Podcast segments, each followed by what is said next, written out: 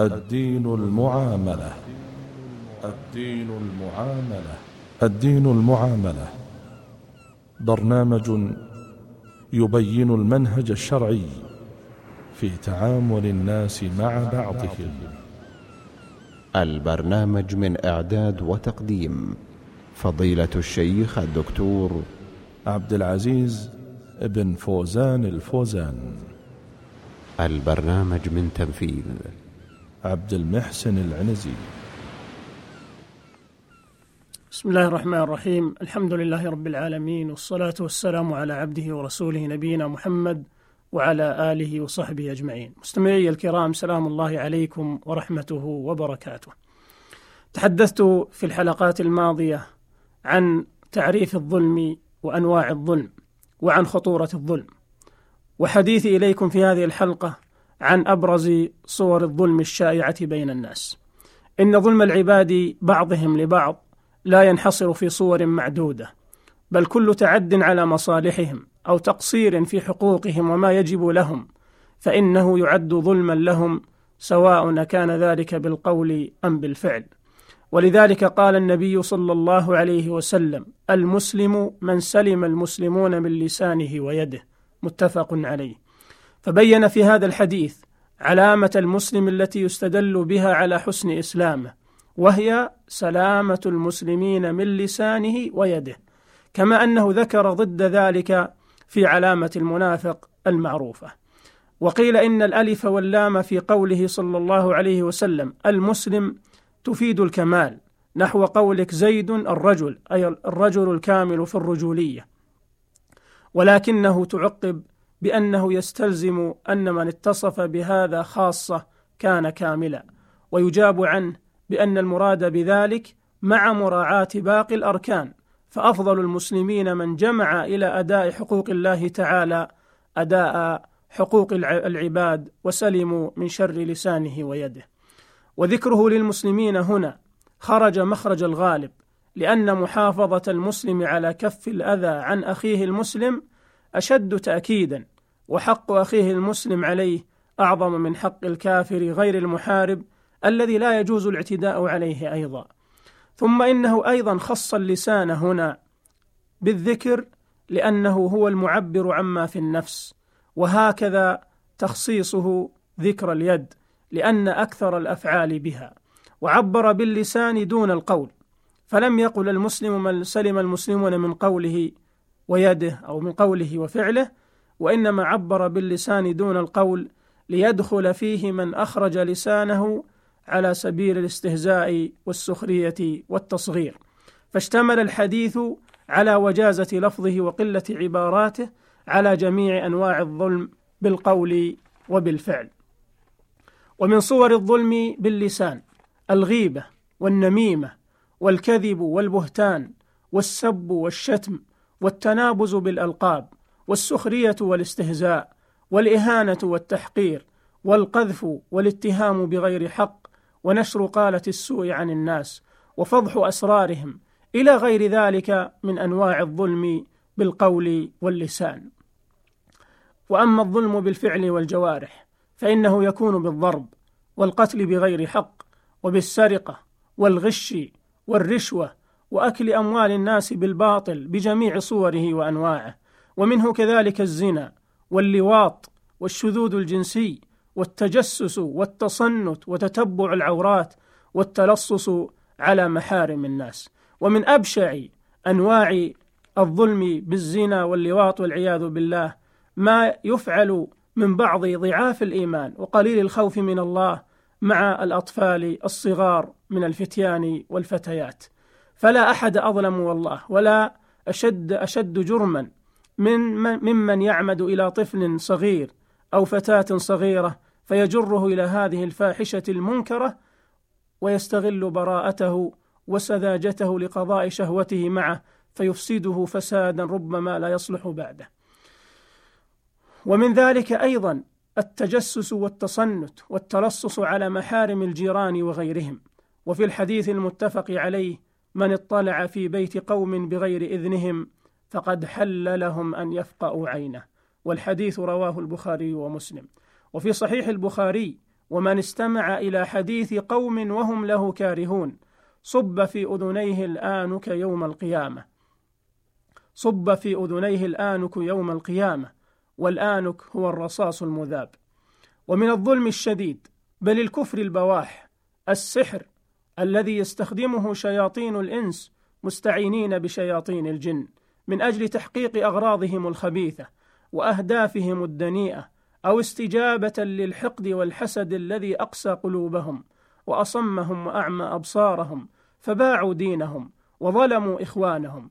ومنه كذلك الصرف والعطف الذي يستخدمه بعض الناس وبخاصة الزوجات لسحر بعض الناس حتى يكون تابعا ذليلا ويكون كالأعمى عن أخطائهم وظلمهم واستغلالهم وابتزازهم له. والسحر أيها الأحبة داء خطير وشر مستطير وظلم عظيم فمنه ما يمرض ومنه ما يقتل ومنه ما يسبب الجنون والخبل وما يجعل المسحور يهيم في الخلاء ومنه ما يفرق بين المرء وزوجه وما يبغض أحدهما إلى الآخر ويسبب ويسبب الشقاق ثم الطلاق ومنه ما يعطف عليه صاحبه ويعميه عن عيوبه وأخطائه ومنه ما يعقد المتزوج فلا يقدر على الوطء والمعاشرة ومنه ما يجعل المسحور ألعوبة في يد الساحر وتابعا ذليلا. وإني والله لأعجب من هؤلاء الذين يتهاونون بالسحر ويذهبون إلى السحرة ليأخذوا منه سحرا لقريب أو جار أو صديق أو صاحب شأن ليستغلوه عن طريق السحر. أين هؤلاء؟ عن قول الله عز وجل ولقد علموا لمن اشتراه ما له في الآخرة من خلاق أي, أي, أي, أي ليس له في الآخرة من نصيب والعياذ بالله.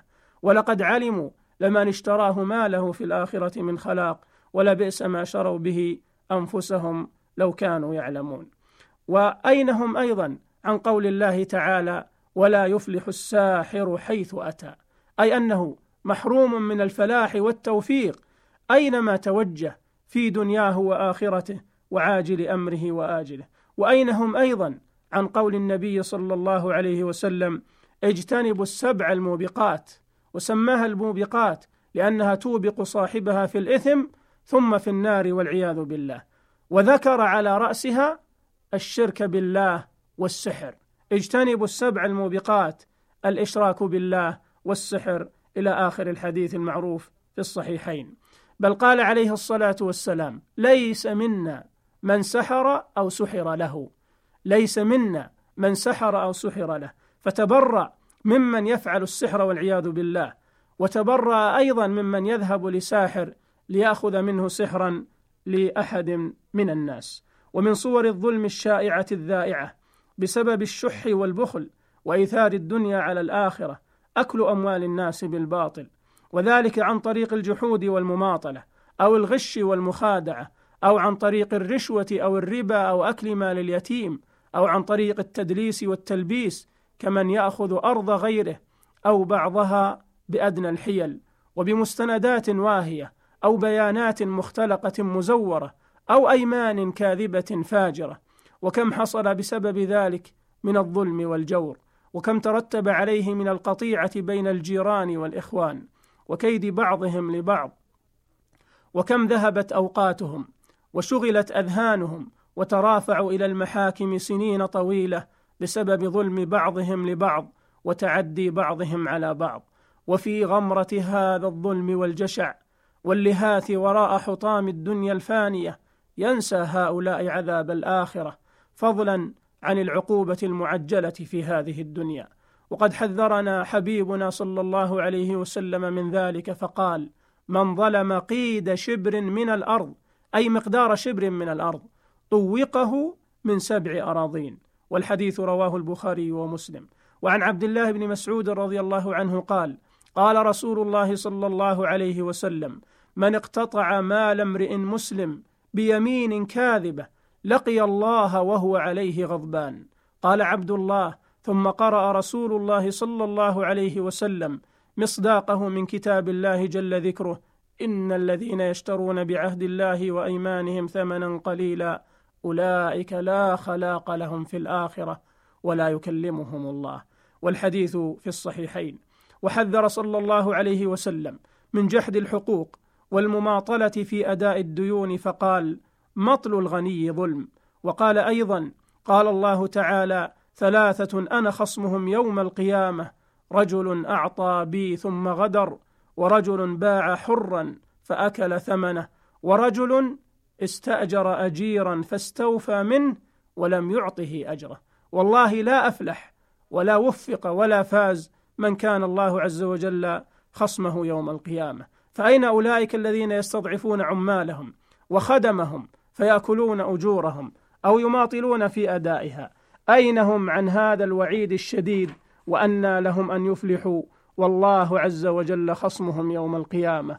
فخف القصاص غدا. إذا وفيت ما كسبت يداك اليوم بالقسطاس في موقف ما فيه إلا شاخص أو مهطع أو مقنع للرأس أعضاؤهم فيه الشهود وسجنهم نار وحاكمهم شديد الباس. أن تمطل اليوم الحقوق مع الغنى. فغدا تؤديها مع الإفلاس. وللحديث بقية في الحلقة القادمة بإذن الله. أستودعكم الله الذي لا تضيع ودائعه. والسلام عليكم ورحمة الله وبركاته.